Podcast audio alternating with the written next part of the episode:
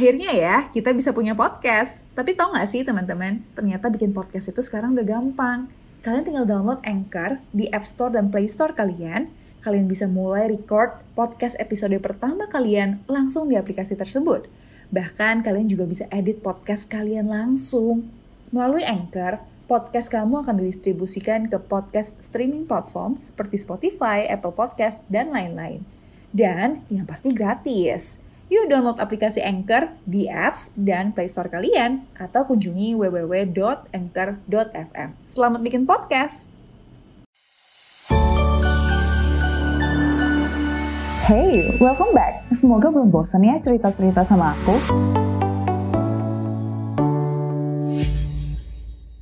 Konsep dari dana pensiun itu kan sebenarnya nggak ada income plus pengeluaran harus jalan terus kan. Jadi kita tuh harus mengumpulkan sejumlah aset yang kemudian dijadiin passive income dan bisa membiayai pengeluaran kita di saat kita udah pensiun atau nggak berpenghasilan lagi atau nggak mau mikirin duit lagi. Nah kemudian di video yang ini aku ada cerita tentang cara menginvestasikan aset atau sejumlah uang itu ke berbagai produk keuangan. Nah, tapi dua episode itu tuh tentang ngitung dan menginvestasikan dana pensiun untuk orang tua kita. Menurut aku ya, penting untuk kita bantu siapin dana pensiun orang tua kita dulu karena mereka yang akan pensiun duluan. Kita mah nanti-nanti aja karena kita masih muda dan kita masih punya waktu yang panjang. Sedangkan orang tua kita ya tinggal beberapa tahun lagi kan sampai mereka masuk masa pensiun. Dan dana pensiun juga salah satu cara untuk menghindari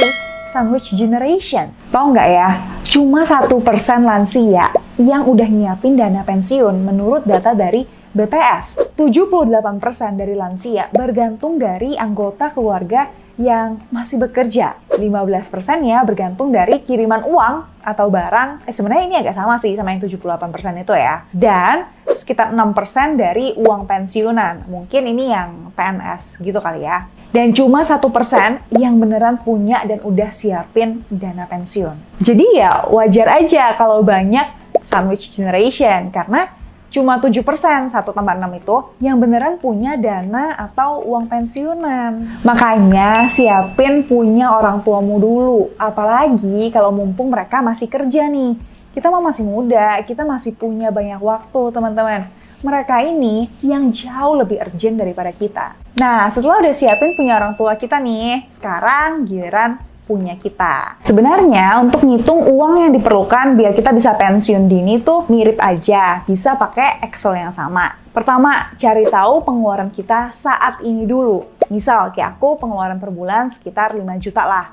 Kalau ditambah dengan sewa apartemen tuh 7 juta. Jadi total 12 juta per bulan. Nah, ini kan pengeluaran pas masih single nih. Nanti kalau udah berkeluarga bisa beda tuh. Karena perlu pupuk bayi, perlu siapin untuk dana pendidikan anak, atau dana liburan keluarga, atau mungkin lifestyle hidup yang naik.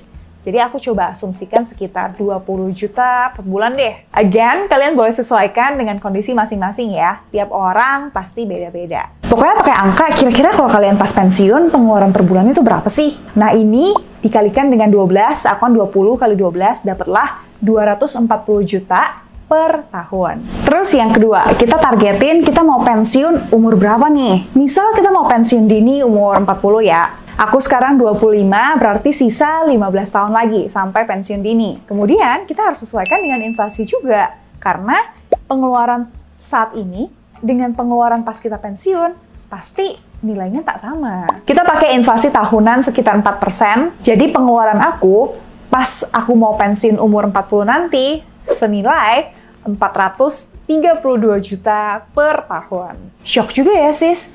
240 juta hari ini senilai dengan 432 juta di 15 tahun lagi. Kalau nggak pandai-pandai ngatur uang, kita bisa dibego-begoin nih sama inflasi. Tapi kalau kita cerdas berinvestasi, kita bisa balik kondisinya. 240 juta yang kita investasikan hari ini bisa jadi 432 juta di 15 tahun lagi. Kalau kita invest di produk yang returnnya sama dengan inflasi. Next, yang ketiga, ini yang bedain dengan cara ngitung dana pensiun untuk orang tua kita sih. Kalau normalnya kan kita pakai 4% rule, 432 juta dibagi 4% sama dengan 10,8 miliar. Nah, kalau kita mau pensiun dini, kayaknya tuh kita nggak bisa pakai 4% rule ini. Kalau kita coba flashback lagi ya, 4% rule ini kan ditemukan oleh William Bengen di tahun 90-an. Di mana formulanya tuh akan berhasil 100% kalau kita hanya hidup 25 tahun setelah pensiun. Akhirnya ya, kita bisa punya podcast. Tapi tau gak sih teman-teman, ternyata bikin podcast itu sekarang udah gampang. Kalian tinggal download Anchor di App Store dan Play Store kalian. Kalian bisa mulai record podcast episode pertama kalian langsung di aplikasi tersebut. Bahkan kalian juga bisa edit podcast kalian langsung. Melalui Anchor, podcast kamu akan didistribusikan ke podcast streaming platform seperti Spotify, Apple Podcast, dan lain-lain. Dan yang pasti gratis. Yuk download aplikasi Anchor di apps dan Play Store kalian atau kunjungi www.anchor.fm. Selamat bikin podcast! Kalau kita hidup 30 tahun nih, misal pensiun umur 40, terus hidup 30 tahun sampai umur 70, itu tuh ada kemungkinan 5% gagal. Artinya ada possibility untuk kita uang dana pensiunnya kurang. Kalau kita hidup lebih lama lagi, misalnya 35 tahun atau 40 tahun, setelah pensiun, kemungkinan gagalnya akan jauh lebih tinggi. Jadi kalau kita mau pensiun dini, misal pensiun umur 40 dan hidup sampai umur 85, gimana tahu ya, siapa tahu dikasih umur yang panjang ya. Kita harus bersiap-siap. Berarti kita akan hidup 45 tahun lagi setelah pensiun. Jadi, kita harus adjust nih 4% rule-nya menjadi lebih kecil. Misalnya, 3,5% atau 3%. Kalau aku sendiri akan pakai 3% karena lebih baik kita kelebihan dana pensiunnya daripada kekurangan. 3% ini tuh ibaratnya tiap tahun kita ambil 3% dari aset kita untuk biaya hidup kita. Jadi, 432 juta dibagi 3% sama dengan 14,4 miliar. Aset yang dibutuhkan akan jauh lebih banyak. Kalau pakai 4%, 10,8 miliar Lo pakai 3%, 14,4 miliar. Nah, dengan gini bisa jadi motivasi kita setiap pagi nih. Woi, ayo bangun, kerja, kau masih miskin, kau butuh ngumpulin 14 miliar biar bisa pensiun dini. Semangat, semangat! Kemudian yang keempat, kita cek uang untuk dana pensiun ini tuh kita udah punya berapa. Dan perlu nabung atau invest berapa nih setiap bulan untuk melengkapi kekurangannya. Nah, aku coba isi 100 juta deh ya, yang benar-benar dialokasikan untuk dana pensiun aja nih. Dan return investasi yang bisa aku achieve tuh ya sekitar 12% lah ya. Sebenarnya bisa lebih sih, peer-to-peer lending aja 15% dan saham bisa 15 sampai 20 atau bahkan lebih nih per tahunnya. Sebenarnya tuh nggak usah yang pandai-pandai banget pilih sahamnya kuncinya tuh lebih ke sabar aja. Kalau kita tarik data dari 15 tahun yang lalu dan hitung pakai Kiger kalkulator, beli saham BCA tuh kasih keuntungan sekitar 21,5% per tahun dalam 15 tahun terakhir.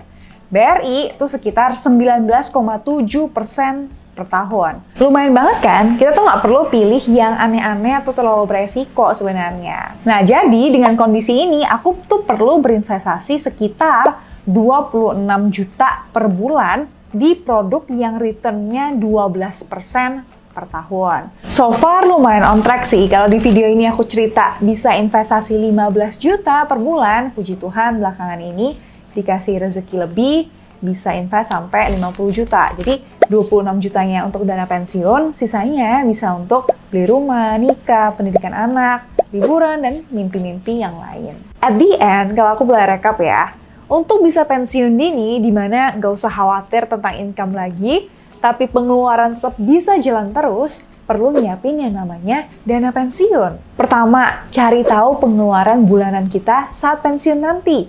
Kalikan dengan 12 untuk dapat pengeluaran tahunan. Kedua, set target kapan nih mau pensiun dini dan adjust pengeluarannya dengan inflasi tahunan. Ketiga, nah ini yang bikin beda nih. Kayaknya kita tuh nggak bisa pakai 4% rule karena ada possibility untuk gagal kalau kita mau pensiun dini. Jadi kalau aku pribadi, aku pakai 3%. Dan yang terakhir, cek sekarang kita tuh udah punya uang berapa sih untuk pensiun? Perlu nabung atau invest berapa setiap bulan? Di produk investasi yang returnnya berapa? Untuk produk investasinya, aku pribadi sih jaga returnnya tuh di atas 12% per tahun. Makanya portfolio aku lumayan agresif, di mana 40% peer-to-peer lending, 30% di saham, dan 30%-nya di reksadana. Hey, semoga lumayan jelas ya. Sekarang coba giliran kamu yang komen di bawah, berapa dana pensiun yang kamu butuhin, dan kamu butuh nabung atau invest berapa nih setiap bulannya. Biar aku tahu, kamu udah bisa pakai Excel-nya, dan bisa ngitung dengan benar. Entah mengejutkan atau enggak angkamu nanti, yang penting sekarang kita udah bisa melihat secara lebih jelas. Dan bisa adjust strateginya lebih awal nih. Thank you buat yang udah nonton dan see you di video yang lain ya. Bye-bye!